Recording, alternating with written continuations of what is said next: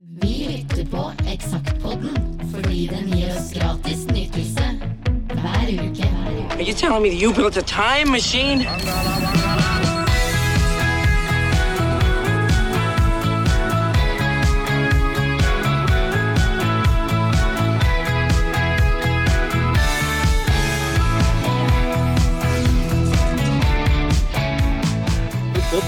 Sett på den andre sida her, men jeg har aldri visst hva det var der. Eksakt som det var. Hei igjen. Takk Jo. for sist. Du, takk i like måte. Hvis det er noen som har hørt på episode etter episode etter episode nå, så ble det sånn veldig fort hei igjen. Det er- kan jo hende Ja. noen som oppdager dette her, og så plutselig finner ut at det er masse episoder. Og Ja. da, det er jo helt fra starten utgave én av Eksakt. Det er det, og nå er vi da i gang med Ja, skal vi se, dette her blir vel da nummer øh, 15, er det som blir episoden nå? Det er det, og det er da oktober måned 1996. Og vi som må være så fornøyd med det vi gjorde den gangen, det er Frode Hermanrud. Og Kenneth Dalby, ikke minst. Ja. Så vi eh, har da begynt på høsten, og har eh, laget en forside som går i brunt og grått og svart. Ja, tenk på det. Det var litt sånn høstrett, det der. Ja, det var fint. Ja, veldig bra. Det var eh, litt høstmote, eller mye høstmote egentlig, i denne utgaven her. Men vi skulle vise høstmote, men de klærne som hun har på seg, blir jo på en måte bare en svart skygge, da, i avistrykk. Ja, en svart eh, sekk. sånn er det. Men dette her er vel òg en sånn klassisk øh, Litt sånn uh, Photoshop-aktig, for dette er vel òg bilder som er lagt på bildet. Ja, vi hadde bilde av uh, Camilla som hadde på seg klær, eh, si, som viste klær. og, og, en, eh, Denne gangen med klær. og en tagga vegg i bakgrunnen. Ja, for det var litt tøft. Det var jo veldig urbant, så da ble det så hipt som det kunne, Ja. tenkte vi. Absolutt. Vi er jo for så vidt eh, den samme gjengen eh, som vi har vært hele tiden. Hittil 15 000 X er vi oppi. Og vi har jo vært inne på før at vi fikk eh, fjongt og fint kontor i Sommerfjells gate i Gjøvik. Og nå er vi faktisk borte fra telefonen til moderen og faderen òg. Nå, nå er det ikke det som er kontortelefonen lenger. Kun mobil. Nei, nei, nei. Så fint var det ikke, da. Nei, det var hadde jo fasttelefon fremdeles, men det var eh, da 61 18 44 00. Ja, stemmer det. Det var eksaktnummeret. Ja, det stemmer når du sier det. Men det er jo òg litt sånn, øh, litt sånn proff, det òg. Litt sånn enkelt. Litt sånn kontoraktig, liksom. Ja, vi, ja, det var jo sånne nummer du fikk da, når det var en bedrift. Ja. Og sånn. ja. Så hvis du prøver å ringe det nummeret nå, det prøvde jeg før i dag, Ja, da får du 'dette nummeret er ikke i bruk'. akkurat. Jeg tenkte, hvem er det som har det nå? Det er morsomt å vite. Men Ja. det var altså ingen. Det var hadde skuffende. moro hvis det hadde vært noen sånn mystisk ambassade eller noe sånn øh, Den nordkoreanske ambassaden. Ja. Avdeling Gjøvik. Så eh, ja da, vi eh, driver og, og hele tida maser på en måte om både å få inn frilansere og flere distribusjonssteder. For nå har vi òg da begynt å kjøre aviser til Oslo. Eh, Så kan jo folk lure på hvorfor i all verden det. De driver jo liksom Innlandet, Oppland, Hedmark. Men vi tenkte jo at det bor jo mye utflyttere i Oslo-byen. Og det kan jo tenkes at det er en og annen Oslo-borger som har lyst til å ta seg en tur på festival eller konsert i Mjøsregionen. Mhm. Så vi fikk en del eh, litt sånne hippe streetwear-butikker og litt sånt da. Platebutikker og sånt i Oslo. Bennys musikk blant annet, bak i brygge. Der eh, Christer Falk. Christer Falk eh, begynte sin butikkarriere. Ja. Og vi er oppe i 110 forskjellige distribusjonssteder, da. så det balla på seg. Mm. Fælt å si det nå, men nå er vel den, den butikkjeden er vel også gått ut av tida. Men jeg syns, øh, jeg syns at det støtt Altså, altså, altså Bennys musikk, det, ble, det hørtes ikke ordentlig ut, liksom. Det var, det var dårlig navn, egentlig. Det høres ut som onkel starta platebutikk. Ja, det var sånn der, noe som skulle være litt sånn kvikk og gøyal, så Ja, hadde noen gamle plater stående som han Ja. skulle selge, sammen med kanskje noe nytt. Ja, det blir litt sånn uh... Jeg vet ikke hvor Bennys navnet kommer fra heller, for så vidt. Nei, jeg vet ikke. Jeg tror ikke det var eh, noen som starta den første som het Benny. Ikke med I, i hvert fall. Nei. Benis. Det hadde vel heller ikke noe med Kjell og Benny og Egon. Olsenmannen å gjøre. Nei, det hadde ikke veldig moro hvis det er Olsenmannen-musikk. Hvis det hadde vært eh, ja, Benny posituren, eller ja. Ja. Han hadde vel egentlig ikke noe sånn spesiell silhuett. Han hadde jo den der lystige gangen og gule sokker, det er det jeg husker. Men det var, det var jo en film som heter Olsmann for full musikk, da, men det blir noe helt noe annet. Det blir noe da. Ja. Men nå er vi ute på vidden. Nå er vi helt på vidden. Men vi Eh. ser jo her, eh, som vi pratet på i forrige utgave òg, der var jo da Banken kafé som slår til med bankerock. Ja. Ikke bankerott, men bankerock. Bankerock, eh, for den er de driver fortsatt på. Det gjør de faktisk. Og har da på denne her bankerocken her, så var Åsleik Engmark, som dessverre ikke er blant oss lenger, han var jo standup-komiker og gjorde show. Og så var det filmgalla, og det var eh, brøft og billig. Det er mulig det er et sånn slangord på Lillehammer. Jeg vet ikke hva brøft er for noe, men eh, Og konsert med Åsen og Hurra Torpedo, ikke minst. Det var jo sideprosjekter til uh, Mange. ja, for så vidt. Så mm, ja, det var, og det var 1. og 2. november, skulle til å si juledag, men det var det ikke. Um, Da var det banke, bankerock. mm. Vi hadde en liten eh, melding om uh, dørleas på småplukk. eh, det var ikke så veldig mye småplukk her. Det var en liten plukk og en litt større plukk. Ja. Så vi hadde nok ikke helt eh, dagene våre i redaksjonen akkurat sånn i eh, oktober, nei, september blir det når vi skulle lage oktoberutgaven. Men det var i hvert fall en liten uh, greie på uh, ja, Døla, Døla Jazz, som skulle arrangeres for 16. gang. Eh, ja, det var vel egentlig det. ja. Så skrev vi noen setninger til for å få det til å bli en sak. Og så, og så, fant du, og så løste du et mysterium i stad, for vi sitter jo på Radio Toten i deres flotte lokale på gamle badet, er det vel, på, til fabrikken. Ja. Og vi har jo, vi lurte jo litt på, da. eh, Trøkkeriet har en helsides annonse. Jeg drev vel og ljug om at det var på Hamar, tror jeg. Det, ja, vi tok en liten uh, kvitt en der, viste det seg. Og, men det som er litt sånn pussig, at dette er jo en helsides annonse. Men det står ikke en der en. Nei. Og det er jo greit hvis du da kom fra Gjøvik og hadde fått med deg at det var et nytt utested på Gjøvik. Eh, Men folk ellers lurte nok litt på hva det trøkkeriet var. Om det var et nytt trykkeri, eller Men så står det diskotek og bar, med størst dansegulv og størst lokale, i den grad det betyr noe. Eh, Lengst bar, det er jo for så vidt litt kult. Og ny brennevinsbar. Oi, ikke minst. Til da forkleinelse for den gamle brennevinsbaren. Ja. Men uh, her på Radio Toten, her uh, bor bor han, holdt jeg på å si. Her jobber Alexander Bryntensen. Og han er en utelivets mann fra 90-tallet, og han, han eh, kunne- hadde jo svar på dette her. Han kunne rett og slett rette på oss og si at uh, det var på Gjøvik. Det var det, og på den er som, eh, gamle Torvetten, da. Ja. Som nå er Ja, Torvetten er der, men eh, Den finnes, men brua finnes ikke lenger. bru og taket er borte. Det er borte. Parkeringstaket. Da brøs den. Så det går ikke an å slåss på brua på Torvetten lenger. Nei, og ikke holde noen utafor heller, Nei. i, i beina. Eh, vi gjorde masse intervjuer, da. Eh, det- for høsten er jo Altså, rocktober har jo liksom vært et begrep gjennom alle år. Og eh, til eh, oktoberutgaven, da, så gjorde vi selvfølgelig masse intervjuer. Det Bjelleklang-intervju gjorde vi. Det var et telefonintervju som jeg husker gikk fort og greit. Så det var egentlig ikke noe spesielt med det. Der var òg intervjuet med Janne Hagens gospelkombo, som blei øh, vel lansert som en øh, ja, ny liten sensasjon. Men som vel ingen har hørt fra etterpå, så vidt jeg husker. Ikke i farta, kan jeg huske det.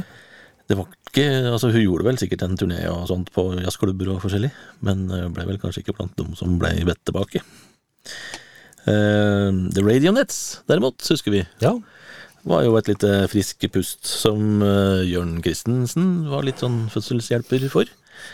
Eh, nå husker jeg ikke om dette her var debutskiva. Jeg har skrevet at eh, mange husker hitlåtene Quite Terrifying Ordinariness. Nei, jeg husker den ikke nå. Og Reaching Out for Summer. Husker du Nei, jeg, jeg mener jeg husker tittelen på den første, men jeg kan ikke, jeg kan ikke, ikke nynne. Klarer ikke helt å sette, på, sette det helt sånn i Nei. Eh, Men de forsvant jo, dum òg, ikke sånn veldig lenge etterpå. Men, eh, men var dette her med Jørn Christen, Christensen, var det dette også på en måte litt sånn etter en sånn arvtaker til Weld? For han var vel også borti det, var det ikke det? Ja, jo, det var det jo. Så det var jo litt i samme tida og Ja. samme studiomiljø og litt sånt. Eh, rundt der. Ja, veldig sånn 90-tallet, for å si det Ja. direkte. Eh, Radionet starta i 93, og så dette er vel kanskje andre skiva, da.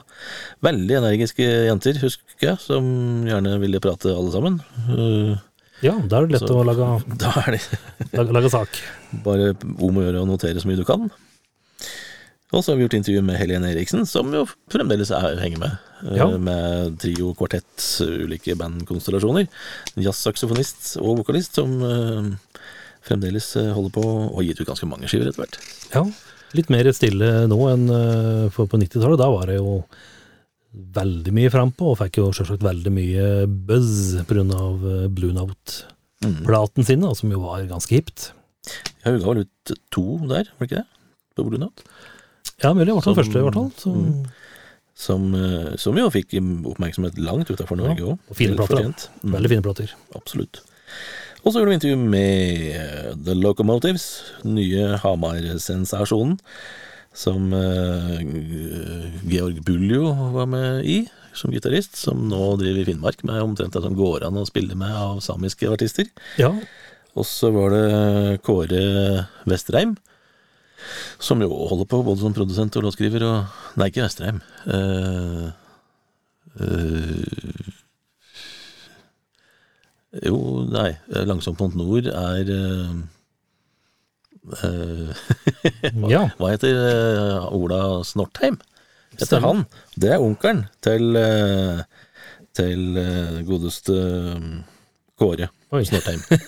yep. Dette er nesten sånn er- gode, gode gamle Arne Skeie på fotball. Dette er vi kjenner hele slekta til, eh, til, til. For han spilte nemlig en Forhatten-konsert på Kafka for noen få uker siden. Akkurat. Ja da, Så eh, Locomotives er faktisk i gang igjen. Har eller spilt inn ei skive og skal turnere litt er da. nå til høsten. Vi kan jo skyte inn det, da, at uh, Georg Buljo han er jo en av er det, er det 1969-kullet på musikklinja på, på Tramberg, eller nå Gjøvik videregående skole, som er eller dette superkullet, for der har du blant annet han, du har Hallgrim Brattberg, eh, Ståle Storløkken var vel og der. ja, Ørnulf Jukan Dyve fra Staut blant annet. Det var veldig mange som gikk der, som eh, så definitivt har arbeid med musikk senere. Og de folka som du nevner nå, de spilte jo i masse forskjellige sammenhenger på Frimann kafé Mm. den gangen det var i gang. Mm. Både med jam og på forskjellige eh, andres konserter og egne band og alt sånt. Så det var litt sånn gullalder. Ja. Så her er det da er det eh, seks-fem intervjuer på intervjuer. to sider. Det er smell. mye. Vi var vel der fort at vi, vi måtte bare få plass til mye. Så litt sånn, det er ikke sånn voldsomt mye lange intervjuer og sånn mye tekst heller, men eh, det er vel litt sånn eh, highlights, på en måte. Ja, ja. Og så er det ingen tvil om at uh, spesielt uh, plateselskaper fant ut at eh, jøss, det er i Blekke på Gjøvik som eh, driver med ting vi kan få få gratisreklame på, og Ja, da kom det tilbud. det var jo noen sånne gratisaviser rundt omkring, som Natt og Dag da i Oslo, og eh, Bergen, Trondheim hadde jo sine. Tromsø vel, og Kristiansand, så vidt jeg husker, på det tidspunktet her. Men eh, eh, det var litt sånn så som så, med musikk eh, Altså hvor mye plass musikken fikk, da. Mm. Det var litt sånn mer sånn gateaviser som handla mest om eh, rare ting som foregikk der i byen, og uteliv. Ja. Det var ikke så veldig mye film og musikk i de magasinene. Bortsett fra Natt og Dag, selvfølgelig. ja. Mote hadde- var vi inne på at vi skulle presentere masse her, og her er liksom overskrifta er 'Sykehus som inspirasjonskilde', sommeren 97. Så da vet vi det. Da var det sjukehusmote. ja. Og der var Heidi Thoresen som hadde gått litt igjennom uh, Jeg vet ikke om hun hadde vært med på noen motemesse her, men hun hadde i hvert fall uh, prata med litt uh, folk hun kjente, som kunne mote, og skrive en sak ut fra det. ja. Og så på andre sida er det, er det Storhamar-gjengen som uh, Nei, det er Lillehammer ishockeyklubb. Lillehammer ishockeyklubb er det faktisk. Det var jo- Hockeygutta dresser seg. Så det var også en motereportasje, da, for å vise fram uh, dresser. Og en heldig pike som fikk være med fotograf Hans Otto Nesbø bort og ta bilder sammen med ja, i hvert fall halve laget. Ja. Og da vil jeg tro at det er sikkert fra Rico Vero, var ikke det som var det hotte dressmerket for eh, den motebevisste herre på 90-tallet? Her er det Ja, ja det er helt riktig. Det er det, ja. Rico Ero. Utlånt fra Herrekompaniet på Lillehammer. Nu vel. Yes da. Og her heter dressene sånne ting som Dublin og blues og Genéve og jazz Oi. og turnover. Turnoff. Og, og, og var hvit. Ja. Så det var da én side med hockeydress, altså. Det, det blir vel kanskje ikke noe begrep noen gang, men Det spørs. Og vi hadde mer i mote, da. Ja, Eh, nå i farger. Nå i farger. Svart-hvitt bakgrunn, men farger, fargete klær. Slik skal du kle deg fram mot sommeren, er tipset. tipset. -hmm. Og fremdeles da vår kjære Hans Otto Nesbø og eh, Heidi, eh, som har samla klær, holdt jeg på å si, og ordna alt dette her. Det var jo en greie, da, når vi skulle lage disse her eh, Det vet jo alle som har vært borti, kanskje vært med som modell, eller eh, vært borti sånne motereportasjer. Det tar tid. Ja. Det tar voldsomt mye tid. Eh, gjerne en dag i forveien for å forberede litt og hente klær og snakke med butikkfolk og sånt, og så tar det jo i hvert fall en hel dag å ta bilder. Komme seg dit man skal ta bilder og få, få tatt masse. Og så tar det som regel et par dager etterpå for å gå gjennom, sjøl nå med digitalfoto og sånt, gå gjennom alt sammen og finne noe som ser bra ut. Så der du liksom kan eh, bruke en time på å gjøre et artistintervju og knipse noen bilder på fem minutter, så kan du ikke det med, med motet. Der, ja. Men det ble fine, fine bilder. Der ble det, absolutt. Jeg ser de sitter Det ser ut som de sitter i alle retninger her, men det er jo da forskjellige bilder. Ja. det, det er, jeg tror ikke Jeg er ikke helt sikker på om henne og L og sånn hadde godkjent den designen her, men det har vi jo for så vidt også vært inne på før, at eh, vi har vært kreative på mange forskjellige måter som eh, kanskje ikke hadde passert overalt. Det spørs. Men fint var det, og moro var det. Ja, det var det. Og så er det bror min som har skrevet om Volvo Amazon, som var eh, 40 år i 96. Mhm. Som da er Fikk du noe penger for det, tror du? fem Han? Ja, Det husker jeg ikke. det spørs.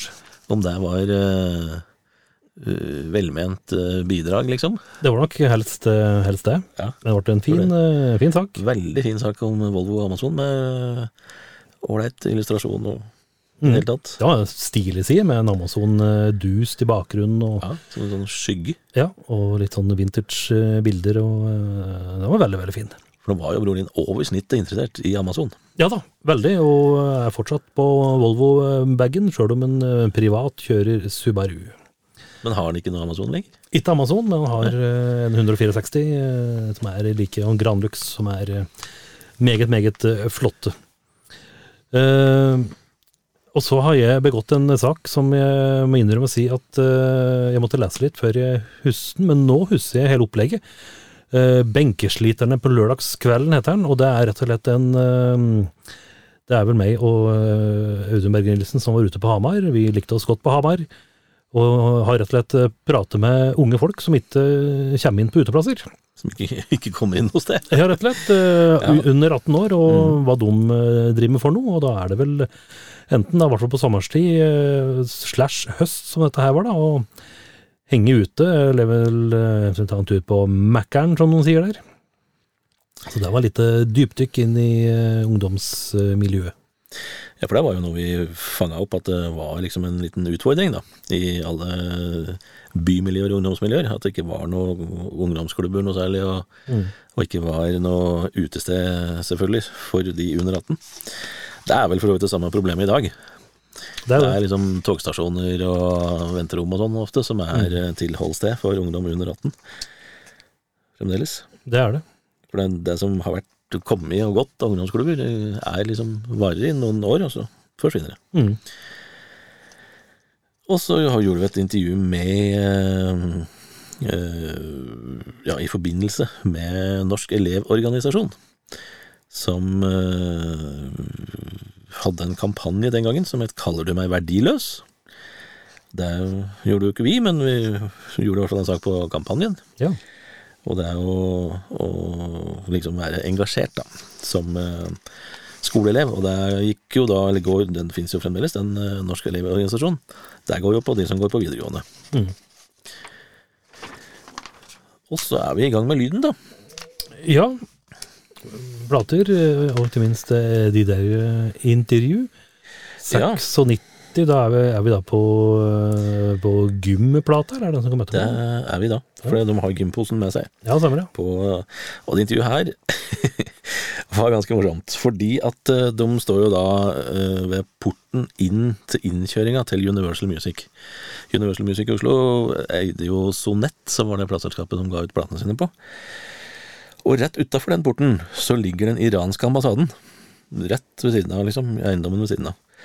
Og Hans Otto, da, som tok bilder, han eh, dreiv liksom rundt uh, i port, portområdet, og han sto da utafor porten, så han liksom begynte å nærme seg inngangen til den iranske ambassaden. Oi. Og plutselig så begynte det å bli litt interessant for dem, da. Som til å begynne med sto i vinduet, for de, de har jo ikke noe vakthold. Altså, Med mindre det skjer ting, så er det jo ikke vakthold på ambassadene. Det er jo en eller annen eh, resepsjonist som sitter inne og svarer.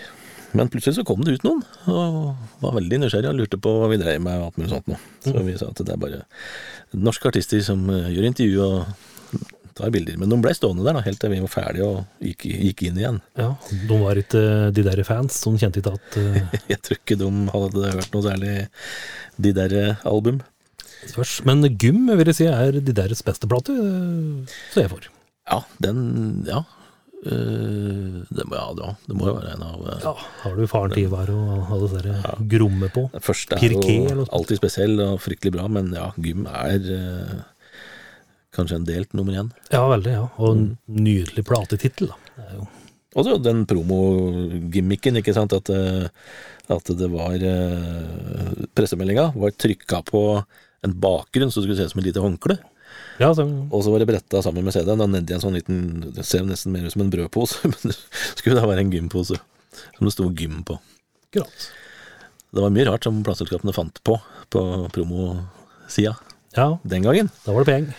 Da var det penger til det, og da kom det jo fysisk Ja, nå kommer det fysiske skiver igjen mye mer men jeg tror på promofronten så er det jo heldigitalt, Ja. alt sammen. Det er det. Så det er, ikke så det er ikke så mye morsomme ting å få lenger. Nå kan de jo ta bilde av en gymbag og sende, da, Ja. men det blir liksom ikke så stas. Nei. Uh, ja, norsk lyd. Det er uh, Pimp Image. Husker du Pimp Image? Ja, jeg husker navnet, som vi sier. Du ga det en firer. Oi. Og det Ja, jeg husker ikke hvor lenge bandet holdt på. Men uh, det var liksom et sånn hipt, kult band Ja. som holdt på en stund. We eh, er det noen som har gitt én. Var det meg da, tror jeg? Eh, da er vi på deg, ja, faktisk. Ja. De husker at jeg så himmelen mye på, den- på den tida her, så skrev jeg også frilans for eh, Hamar Arbeiderblad, og vi spilte veldig mye på Hydranten, som heter det, som nå er Greyers. Fikk skjønt aldri det bandet, altså. Du, du syntes det var kjedelige rockelåter med litt uh, punk grunge i seg. Nå Ja. var er du ikke du så veldig glad i grunge heller, Ikke det? så um, Men terningkast én var litt slemt, da. jeg var kanskje litt slemt. Det var det. Men du ga Henning Kvitnes en firer, da, for, uh, Frammøte. for, for frammøte. Ja da. Ja, dette er jo en best Samleplate, dette, Ja, ja. tida bare kom. Ja, og forsvant igjen. Uh, The Abusers var en plate du skrev på. Husker du det bandet? Ikke i det hele tatt. Ikke heller. Overhodet ikke. Eh, det var en Voices of Wonder-utgivelse, så det var jo et litt eh, alternativt norsk rockeband, eh, vil jeg tro. Ja. Radionets ga du en firer, og det var vel sikkert uh, Det er jo, betimelig. det er jo den streite, streite karakteren, det. Eh, Fjell og Paus, To herrer sin mm, første plate, ga jeg en femmer. Det er det vel, for så vidt. Om må kinesere med tro, håp og kjærlighet er en femmer. Det syns jeg vel kanskje ikke i dag. Firer ville jeg gitt den i dag. Artig cover, da. Ja, Det er tre matros... Vet du? Matrosherrer. ja, sånne matrosuniformer. Ehm, ja. Vi har jo mer lyd. Ja da, veldig, veldig mye. Så vi har jo for eksempel R.E.M. sin eh, New Adventures in Hi-Fi, som kom eh, da. Som jeg ga en femmer, og det syns jeg nok det er i dag òg. Det er jo ikke de mest eh, hitprega plata, liksom mest eh, umiddelbart tilgjengelige plata til R.E.M., men veldig bra. Ja. Og så har vi det skrevet om eh, et sånt band som eh, litt sånn one hit wonders, som, eh, som ruller jevnt og trutt. Som ved plate var litt sånn småslapp, men det var et par hits. Den er som heter Six Was Nine, som, Ja. som, som jo var veldig sånn Ja, litt sånn hitband, og det var det. Litt sånn Charles and Eddie. Would, you lie to, would I lie to you-låta. Det, sånn, Mm. det er den låta, liksom. Den har de sikkert gode inntekter på i dag. Det vil jeg tro. Det er vel det de delvis lever av Ja. Og så ga jeg Mike Oldfield en toer for den Voyager-plata, og det syns jeg nok i dag òg. En veldig kjedelig skive, rett og slett. Ja. Suede ga jeg en eh, femmer. Der vet jeg et band du ikke syns noe særlig om, Nei. men eh, jeg syns Suede er ganske kult. Ja, jeg hørte litt av ei låt som jeg syns virker tøff, og så hørte jeg plata, og så var det ikke tøft i det hele tatt. Så Sånn er det. eh, det var første, første skiva, så jeg har liksom ikke helt uh, nappe på det. Men fem på toppen din, da, det var det Neil Young på topp. Ja, Broken Arrow. Og så var det Nevermore, eh, som jeg husker det var et band, men jeg husker ingenting av det, egentlig. Nei, det var noe metallting, tror jeg. Ja, Ja, Gylne tider. Moderne tider. er Rippingness. Ja. Live in LA. Nydelig plate. Og Ian Gillen. Ja. Naked Thunder. Det er, der er jeg på uh, gamlis uh, Gamlis uh, slappat. Ja, men det er jo kjempetøff skive, da. Ja, veldig. Absolutt. Uh, på Ja, ellers så ja, utenlandske eh, skiver den måneden, oktober i 96, så kom jo Moby med sin eh, Animal Rights-skive, som har blitt en ganske stor klassiker. Den ga jeg en femmer, og det syns jeg helt riktig nå òg. Og så ga du Crash Test Dummies en femmer. Ja. Det er jo den mm-plata. Mm. Ja, den er veldig bra. Det er ikke bare for at den har en hit der, men det er en veldig bra plate. God Shuffled His Feet, vet du vel? Mm. Som var veldig, veldig bra. Colin Carter ga du en firer. Ja, det, Ja, det var en best of-sak. Ja. Um, men Kula Shaker, husker du det bandet? ja. Som var et spesielt band, for så vidt. Ja. Ga jeg faktisk en sekser. Oi. Jeg var veldig begeistra for den K, het den plata. Jeg ga Rush, Test for Echoes, en femmer. Det syns jeg òg det er, fremdeles. Ja. Jeg hadde da Dalbello sin Horror-skive, fremdeles, for det er vel siste gang, tror jeg. Det tror jeg. Eh, På en eh, førsteplass der. Helene Eriksen Standards, jazzskiva vi snakka om i stad.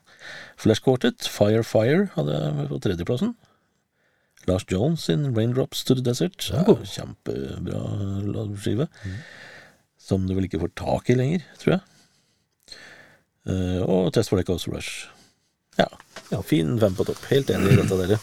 Det er bra, da. Så var det jo litt eh, tunge, tunge ting her, da. Skal vi se kjapt på om det var noe mye tungere lyder da på høsten, og det var liksom eh, Om vi hadde problemer med å, å prioritere hvem vi skulle ta med av utenlandslyd, så med to-tre sider anmeldelser, så var det jo ikke noe mindre problem når du skulle prioritere eh, diverse metal. Nei, det kom, det kom eh, mye. Det kommer skiver fra alle retninger, Ja. fra ti-tolv forskjellige plateselskaper.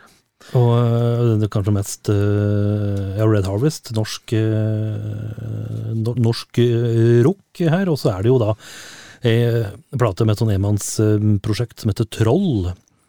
Eh, det var vel han som en, han som kalte seg for Lex et eller annet. I Covenant var det vel, som sto bak Troll. Uh, fikk en treer. Der syns jeg kanskje at jeg var litt slem, for det er en veldig kul plate. Og så bør den jo ikke minst uh, få en ekstra prikk for tittelen. 'Trollstorm over Nidingjuv'. det, det er mørkt, det. Det er, det er en uh, mørk høstkveld. Da er det dystert i skauen, altså.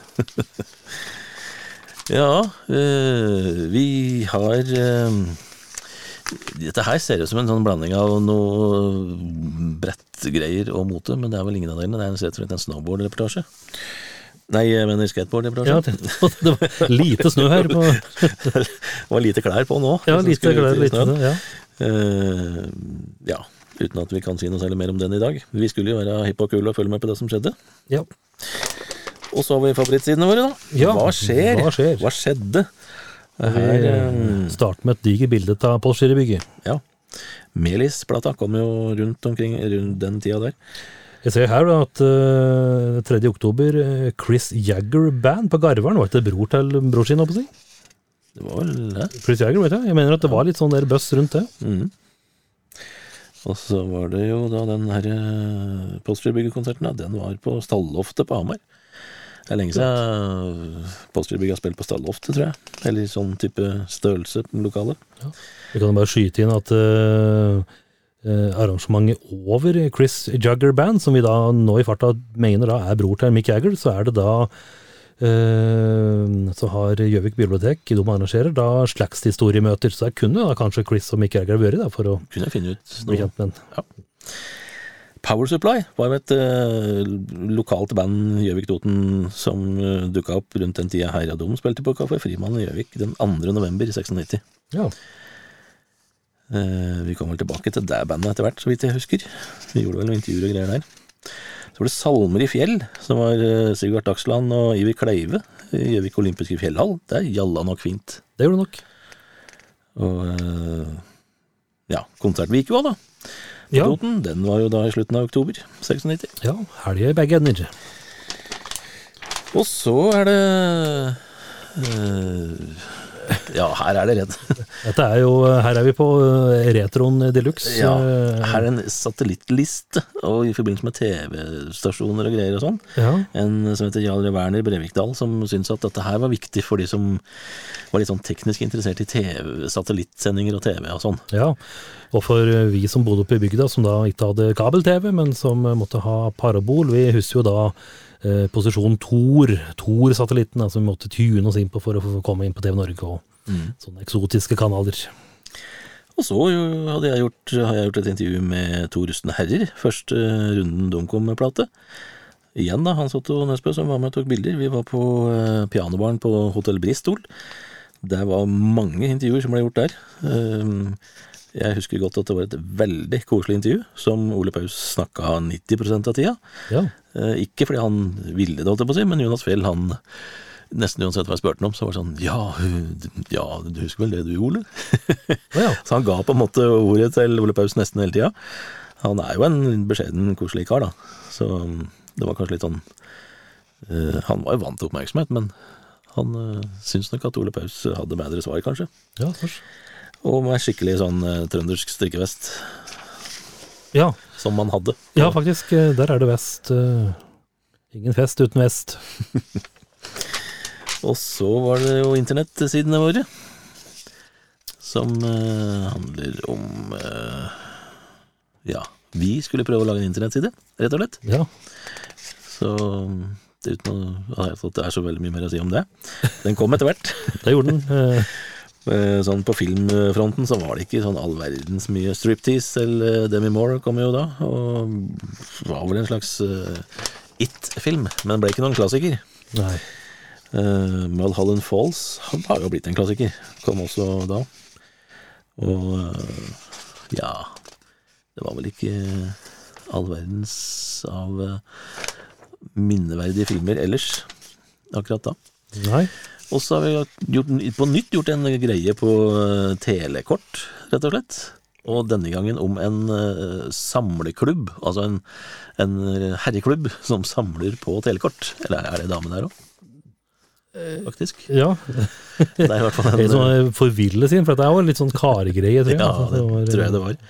Men jeg lurer på om disse folka her har disse kortene enda. Det har de antagelig. For det det er sånne ting som de ikke klarer å kvitte seg med. Ja. Så det var jo mye artige telekort. Uten at noen helt skjønner eh, hva de skal med dem nå i dag. ja, det får du si. Mer intervjuer. Vi gjorde intervju med en duo som kalte seg Captain Jack, en dance-duo. Artig, ålreit intervju, som det morsomste var at vi gikk opp og fikk en, eh, en garde, gardist, heter det, Ja, til å faktisk le på bildet. riktig. Eh, Fordi han derre fyren som var i duoen, han hadde da en slags Jeg vet ikke om det er generaluniform eller hva det er, eller en eller annen militær uniform i hvert fall. Eh, Som han syntes det var gøy å stå sammen med en gardist, da. Ja, Fikk liksom litt mer effekt da. men eh, det gikk bra uten at det ble, eh, det gikk fint. Vi, det kom nok ingen kommandanter eller noe sånt da, som uh, syntes at dette var gærent. Så et bilde av dance-duoen og en smilende gardist. Ja. Og du gjorde intervju med et, par black metal-intervjuer. Eh, ja, det ene er black metal, det andre er ikke det. Det er vel da bandet som heter Cathedral, som er litt mer eh, dyst britisk eh, tungrock. Eh, Ja, det var det som var overskrifta. Ja. Black metal. No thanks, that's not my cup of tea. Ja, Så ikke black metal, nei. det var det overhodet ikke. Men eh, eh, vi hadde jo da i forrige utgave, så hadde vi da, var vi frampå og hadde snust opp at eh, Inger Amlin, eh, bassist i Conception, han drev med noe ting på si. Ja, det hadde vi en liten sak om sist. Ja. Det- det kommer et, vi hadde hørt at det kommer et, eh, nytt prosjekt. Da var jo han veldig kjent som bassist i eh, Conception. Ja, og for noen som er eldre, enda eldre, da fra gamle Rockfire og 018, 018 og og til og med eh, Black eh, Hva heter det for noe? Det som var eh, før eh, Han var jo med inn en tidlig versjon av One to Many òg. Ja. Så, eh, så han var på, var på hugget. Men her har vi da vært oppe i hula hans. Han bodde vel da oppe i eh, ja, gamle MC-hus oppe i Gjøvik, oppe, oppe i bakken der, for noen som Ja. er lokalkjente. Rett overfor, omtrent 100 meter overfor der vi hadde kontoret vårt. Ja, stemmer.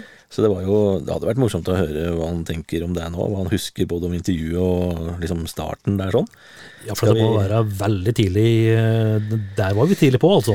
Ja vi, han, ja, vi hadde jo hørt om dette her, og du dura jo på og spurte han øh, om intervju og sånt. Ja. Så skal vi rett og slett ringe Ingar Ramlin og høre hva han husker, og Tror vi prøver det. hva han øh, både husker om eget band og intervju og alt mulig. Ja, Hallo, det er Ingar. Hei, god kveld, Ingar. Det var Kenneth og Frode her. Å, Vi- god dag. God kveld. God kveld, etter. God, god kveld, God dag, Ja. det, det, folk kan jo høre på dette når som helst, så Ja, altså, vi sitter jo og mimrer da, ikke sant, med gamle Eksakt-magasin, og da har vi kommet fram til øh, oktoberutgaven fra 1996. Og da hadde vi allerede sladra om at det var et nytt prosjekt på gang i utgaven før, og så hadde Frode gjort et intervju med deg til oktoberutgaven i 96. Og der er det jo grimme bilder og en brei presentasjon av det nye prosjektet. Ja, det Ja, stemmer det. Ja, det, det begynner å bli noen år siden, så jeg kan ikke si jeg husker det så veldig godt, da, skal jeg være helt ærlig. Ja. Men eh, jo, jo, jeg, jeg, jeg husker det altså for all del. jeg, jeg husker i hvert fall at eh, For da bodde du oppe i eh, Oppe i bakka der, holdt på å si. Gamle MC-hus, holdt jeg på å si. Eh, Hadde du Eh, ja, ja, ja, det var etter ja, jeg hadde flyttet Jeg bodde Jeg har flyttet litt på, men nå har jeg, bo- nå har jeg jo bodd der jeg bor i, årevis. Men jeg, på den tida så hadde jeg flyttet litt på meg noen ganger. Ja, er Ja. derfor, jeg, derfor jeg ikke klarer å huske akkurat hvor jeg bodde da. Men det var i, var, var i byen. Jeg var i bakken rett nedfor der eh, Hvis du tenker etter at eh, MC-huset holdt seg på den tida, da. Ja, eller MC-klubb var det vel der den gangen. De hadde tatt over allerede. Ja, det var det kanskje. ja. Ja, Det husker jeg ikke helt, faktisk. Men, Var det sånn at eh, Frode banka på døra plutselig og sto der og sa 'hei, kan jeg få intervjue deg', eller? eh, akkurat det husker jeg ikke sjøl, hvordan dette ble, Ingar. Men eh, Nei, nei altså det og, og, og, Det husker ikke jeg heller, egentlig. Eh, jeg, har, jeg har jo hatt ganske god kontakt med flere av dere i alle år, så det hender jo det er litt sånn tilfelle at eh, Jeg vet ikke om det var sånn den gangen, ja, men det er jo nesten sånn at eh, når vi møtes på butikken om det så var, så liksom Ja, er det noe på gang, liksom? Ja. Og, og da har jeg aldri vært redd for å by på meg sjøl, for det har jeg skjønt at det må en jo bare, bare gjøre, hvis ikke så er du jo dum. Eh, det vil jo gjerne at noen skal høre, høre om det du driver med, da. Ja. Så, ja, men akkurat hvordan det er kommet seg, det, det har jeg ikke noe formening om, det husker jeg ikke. Nei, jeg husker, husker ikke sjøl, men vi hadde jo, som du sier, vi hadde jo For da, noen år før så eh, hadde vi jo annet en god del med Conception på, på nærradioen på Gjøvik. Og, så vi hadde jo, hadde jo mye kontakt uh, på tidlig, Ja, vi- vi- tidlig 90-tall. Ja da, vi kjente nok den eh, forholdsvis godt allerede den gangen, vet du, så det kan godt være at jeg tipser deg òg, for at jeg er ikke redd for deg hvis jeg har et eller annet som jeg syns Uh, der tenker jeg at det er liksom, det er liksom et ansvar en har nesten når en jobber ved et prosjekt. og sånn at eh, altså Det kom enda mer i året etterpå, men allerede den gangen så skjønte vi at eh, det å markedsføre seg sjøl litt og, og, og by på seg sjøl, det var vesentlig. Og det ser en jo i året som har gått etterpå, at det er jo bare mer og mer viktig. Mm. Jeg husker eh, jeg, jeg- husker i hvert fall at jeg tenkte at for, jeg, jeg forbandt jo ikke deg i det hele tatt med, med black metal, for jeg, jeg visste jo at du at du hadde vært i, i Rockfire, sjølsagt. Du var jo innom Innocent Look, eh, eh, blant annet. Og at du skulle Og Conception, selvfølgelig, men at du skulle eh, fyre i veien med, med noe slikt noe. Det, det, var ikke mine villeste, så jeg, så jeg må innrømme at jeg ble veldig, veldig overraska. Jeg husker at vi, vi var jo oppå opp deg, og vi gjorde, gjorde intervju og tok bilder, og, og vi hørte om vi, om vi, ikke hørte hele, så hørte vi i hvert fall noen, noen, noen låter ifra, ifra skiva, og, og, da du mm. måtte liksom prate veldig mye om det der med eh, ja, tidlig fascinasjon for liksom, ja, type ja, Black Sabbath, Alice Cooper og den biten der. og og liksom, jeg husker at det var veldig at det, var veldig sånn øyeåpne for meg liksom, når det gjaldt deg og din musikk, at, eh, at vi fikk den praten der. Ja, det stemmer nok veldig godt. Eh, jeg, jeg tror at fram til jeg gjorde alvor av det å gjøre noe med dette prosjektet som ble Curse of Darkness, da, så, så, så, tror jeg ikke jeg så for meg hvordan jeg skulle sette det ut i praksis og, og, og klare å gjennomføre det ordentlig, rett og slett. Men, men som du nevner, så var jo jeg helt klart veldig opptatt av ekstrem både kunst og musikk motkultur allerede den gangen. Eh, så, så, så selv om jeg trivdes godt med Conception og, og sto 120% inne for deg, så, så ikke noe galt med det. Men eh, det var nok et litt sånn savn å gjøre noe mer ekstremt. Eh, for mens Conception kanskje tok en mer, mer, mer melodisk og mer sånn progressiv retning, som jeg var veldig med på deg, altså. det må jeg bare understreke.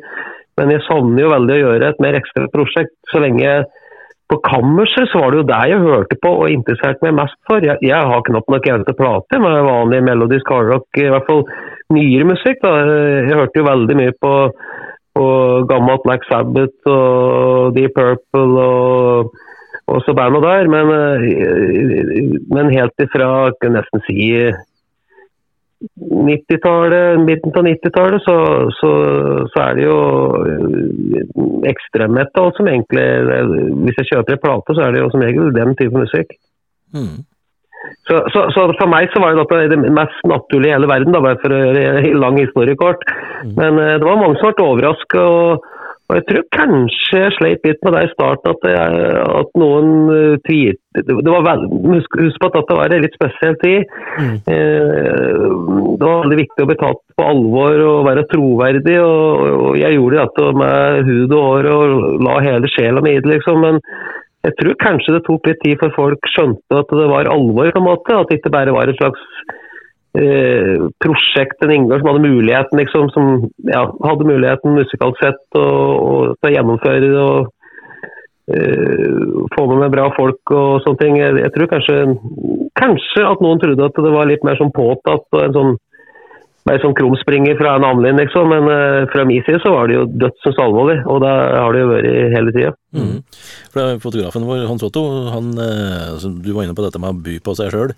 Og det gjør du jo uh, i bildesammenheng her. Det er, det er liksom Altså, det er ikke sånn sånn Det er Hva skal vi si Mer sånn vanlig mørke bilder. Det er ikke sånn derre eh, overposing, eh, på en måte. Så det, bildene bærer jo litt sånn preg av at eh, det er bilder til det du prater om nå, til den stemningen og til, eh, til det prosjektet, da.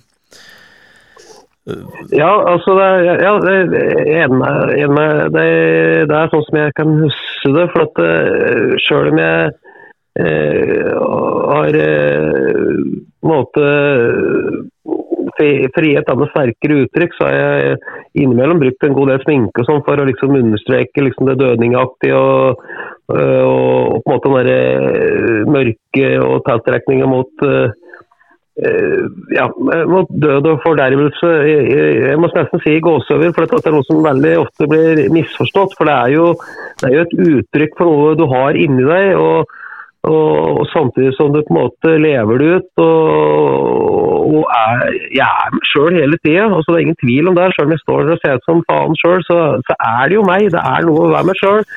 Og, og, det er som jeg har sagt hundre hundrevis av ganger. Altså, det, dette er på en måte, Du kan ikke gjøre det halvveis. Altså. det er, det er litt, litt sånn enten-eller med denne sjangeren. Eh, Du, du må enten gjøre det 100 eh, og da finner folk litt forskjellige uttrykk i forhold til hvordan det vil framstå, på en måte. For det er ikke noen oppskrift på det. Eh, Du må ikke stille opp med corpse paint og kilovis med nagler og sånne ting. Altså, det, det, er, det er ikke det det går på, men du må finne en slags form som passer deg sjøl. Og jeg var vel inne på Jeg har nok forandret meg litt siden denne tida, det, det er mange år siden. Men eh, grunninnstillinga er jo akkurat den samme. Du du nevnte jo, øh, du nevnte jo at øh, at, øh, ja, at folk ratt øh, kunne tro at du gjorde dette her på Om ikke akkurat på, på, på tull, så litt sånn for å, for å provosere, for å være litt, øh, litt sånn tullebukk. For dette er jo drøye tre år sia Eh, Øyvind Aarseth har vært eh, drept av, greven. og eh, Hang dette fortsatt i når, du eh, begynte med Crest of Darkness? At du hadde dette i bakhuget, at eh, ting har skjedd eh, for ikke så veldig lenge siden? At eh, kanskje folk tror at jeg òg er med på dette, liksom? Ja, det, det, det hang eh, Ja, uten tvil. For det, var, det var såpass nært, på en måte. Altså eh, Ja, så det er helt klart eh, det hang ved meg, på en måte. Jeg, jeg, jeg var jo Jeg, jeg var ikke noe veldig mye sammen med disse folka. Det er ikke noe galt om det. Det, kunne, det er bare tilfeller som uh, avgjør det. Men, men, men jeg kan jo nevne at jeg, jeg var jo i den berømte helvetebutikken i Oslo flere ganger, og jeg traff jo denne årsetten flere ganger. og, og, og Det var helt sånn sporadisk innom butikken der. Vi hadde noe vorspiel og noe fester som der før vi var på og noe, Jeg vet ikke om du husker kons- konserter på Betong som det het den gangen? Jo. Vi hadde sånne Death Metal Nights. Det var jo der vi liksom, de første unge så liksom Morbid Angel og D-Side og ja, en hel haug av disse bandene der. Og, og sjøl om en eh, Øyvind Aarseth og er det- som da begynte å, å på en måte I begynnelsen så var det ikke noe som hette black metal engang. Altså, det, det, er- det begrepet kommer liksom litt mer etter hvert. Eh, Men uh, i hvert fall på den tida der så, så jeg vet ikke hvor dypt jeg skal gå inn i dette, for det er ikke alle som syns det er like interessant, sikkert. Men, men egentlig så er det litt mer velprodusert uh, death metal-band. Uh, for for det som oppfatter det sånn, da. Det er, det er ikke alle som forstår det engang, for mange syns det er bare brutalt og stygt. Men egentlig så var jo mye av disse bandene veldig dyktige musikere. og, og, og, kanskje noen av utgivelsene allerede den gangen var eh, vil noen si litt sånn overproduserte. da. Selv, eh, og, så black metal var jo òg en slags eh, det var et, opprør mot heavy metal, og til og med litt death metal-sjangeren, vil jeg si. Altså, for det, det var liksom, det skulle, det skulle være enda mer nerve. og og galskap og ondskap eh, Eller det du kanskje fant i death metal. Da. Eh, eh, men klart det er en veldig sånn, Jeg føler at det er mye ganske nært eh, Ganske close connection si, mellom disse sjangrene der. Men, eh, men, men black, black metal var noe helt nytt. Altså, det var en helt ny tankegang. og og, og jeg syns selv om jeg elsker mange, og gjør det fortsatt, mange av disse tidlige death metal-banda uh, syns jeg er helt fantastiske. Men, uh, men uh, når det gjaldt ekstrem metal sånn generelt, så ble det nok black metal som ble mer og mer min musikk. Og, og når jeg begynte å lage musikk, så var det jo var, eh, eh, så ekstrem musikk sjøl, så var det jo så var det ikke noen sånn plan i den, at nå skal jeg lage black metal, nå skal jeg lage death. Altså, eh, det var ikke sånn at jeg satt og tok noe valg, på en måte. Det bare ble som det ble. Eh, jeg- der syns jeg det er litt viktig å si at, eh, at uh, det jo- det har jo vært sånn i alle år med det jeg driver med, at eh, musikken blir jo bare formet til det som jeg har inni meg, og det som jeg tenker ut, og det jeg har til ideer. men jeg det det aldri blir noen sånn masterplan bak. Det burde du kanskje hatt hvis, sånn, med tanke på kommersiell suksess, da, men, eh, Ja, jeg- men jeg har aldri hatt det. Jeg bare gjør det som Ja, når du sier dette du, Jeg gjør bare det. Eh, Ja. så, det har jo masse prat ikke sant, både i bransje og blant publikum, at eh, norsk metal, norsk flottmetall, er liksom en kjempeeksportartikkel. Ja. Åssen føler du deg liksom som en del av det? Eh, jeg vet ikke helt hva jeg skal si. eh, Jo, jeg, jeg, det er klart, nå er det mange andre band som har eh, drevet på mye mer intenst enn meg og turnert vanvittig mye. Vi har jo gjort det, vi òg, men, men vi blir jo bare noe lilleputter i forhold til en del av det bandet som har holdt det gående helt siden da eh, tidlig 90-tall nesten, og turnert og gitt ut plater regelmessig alle årene, jobber beinhardt. Og, og de, En del av det bandet nå, det er ikke så sinnssykt mange, men noen av de bandene er jo nå begynner å bli skikkelig store, liksom. og og så er liksom headlinere på store metallscener verden over. Eh, der er jo ikke Customer Darkness, for ærlig på det. Men samtidig så for ikke å prate med altfor mye mer heller, så er det Jeg merker veldig ofte at, jeg, at jeg, ja, vi har jo gitt ut plater, og vi har òg turnert internasjonalt eh, med Customer Darkness, og jeg merker at eh, er, vi har masse tilhengere som uh, kinner oss godt. Og, jeg får jo masse mail og, og messengermelding og ditt og da på forskjellige, ja, forskjellige plattformer der jeg eh, hører at eh, ja, vi, vi, jeg begynte å spille på rundt The Crust of Darkness. Det var derfor, derfor, det var derfor vi begynte, for dette jeg syntes vi var så tøft. Og sånn, og det er jo fra hele verden, alltid fra Sør-Amerika til Hustra, eller hvor som helst, hvor som helst egentlig. Så, så selv om eh, det er klart at det de som er betydelig større løs, de har sikkert en sånn massiv sånn skare i verden over, vil jeg nesten forestille meg.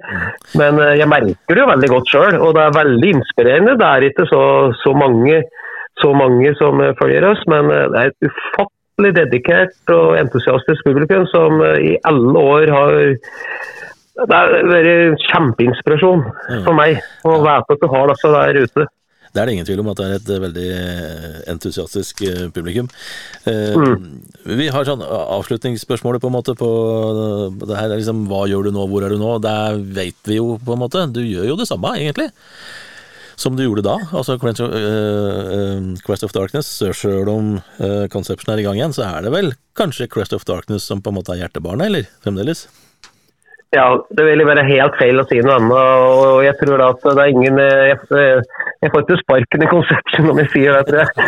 Nei da, men det er, eh, jeg, tror, jeg tror alle forstår det, på en måte. Jeg syns det er kjempemoro det som skjer med Conception nå om dagen. Det er, eh, det er, kjempe, det er mye morosomt som skjer framover med eh, ganske store konsertbegivenheter og sånne ting. Men, eh, men for Darkness, det det er jo hjertebarnet mitt. og og, og, ja, her står jeg liksom og begynner å nærme 60 år. og men fakta er at jeg, jeg er akkurat like entusiastisk, og følelsen jeg har inni meg, er akkurat det samme som den var uh, når jeg gjorde det intervjuet som, som jeg, med Eksakt avisa den gangen for eh, ja, det er lenge siden, det er 20 år siden. er det? Det blitt 26 år siden. 26 år.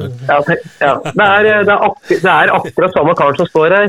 Og, og, så de som lurte på om dette var seriøst, om det bare var bare noe sånn sirkus jeg fant på i farta, så da tror jeg bevist at uh, Ja, der har du svaret, liksom. Nydelig. Tusen takk for, eh, for en god prat, eh, Inga. Vi skal ikke holde det lenger nå, for nå er det snart eh, Ja, du skal vel ut i påske, påskeværet? eh, Ja, nå Ja, jeg er jo mye ute. Ja. Ja.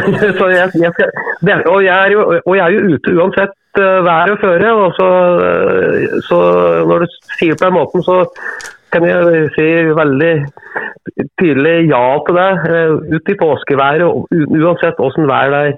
Det er godt å høre. Takk for god mimring, Ingar.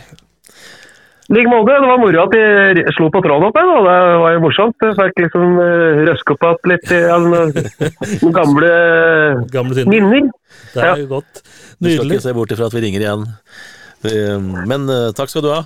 Vi Jo. eh, prates, like prates på matbutikken en dag. Der, der gjør vi vet du. Det er der den treffes nå for tida. Yep. All right. Yep. Ha det bra, da. Ha det bra. Ha det. Ha det. Eksakt som det var. Ja, Ja. Det var Ingar er jo en av noen som er veldig eh, engasjert i tinga sine. Ja. Det var ikke vanskelig å høre der. Og tenk på det, det er snart eh, Skal han være litt raus med kalkulatoren. Det er nesten 30 år da med, med, med black metal, så, så det er utrolig, utrolig stas. Um, Så da har vi bare et minutt på å gå gjennom to siste sidene. Ja, og det er egentlig fort gjort. Det er eh, ut og spise. Thorvalds bar og spiseri på Lillehammer. Så eller, nå hadde vi gjort eh, begynt med piktogrammer og greier og sånn. Så eh, ja, Lillehammer Punkfestival hadde de på Felix Oi. den gangen. Uh, Og ellers så var det jo Sentrum Rock Café hang jo med som som annonsør, og Garvern sitt høstprogram var vi jo for så vidt innom her. Og vi hadde begynt med litt mer smånytt, da. Nyhetssaker om utelivet. utelivet. Og ja, halvliteren billigst. 29 kroner. På toget og på Felix på Lillehammer fremdeles. Ikke dårlig. Så det var rett og slett uh, oktoberutgaven vår i 96. Det var det. Så uh, hvis alt uh, klaffer og Vår Herre er god, så er vi på plass igjen neste uke med novemberutgaven, til og med. Det regner vi med. Yes. Talas. Vi lytter på Eksaktpodden fordi den gir oss gratis nytelse. Hver uke. Are you telling me that you built a time machine?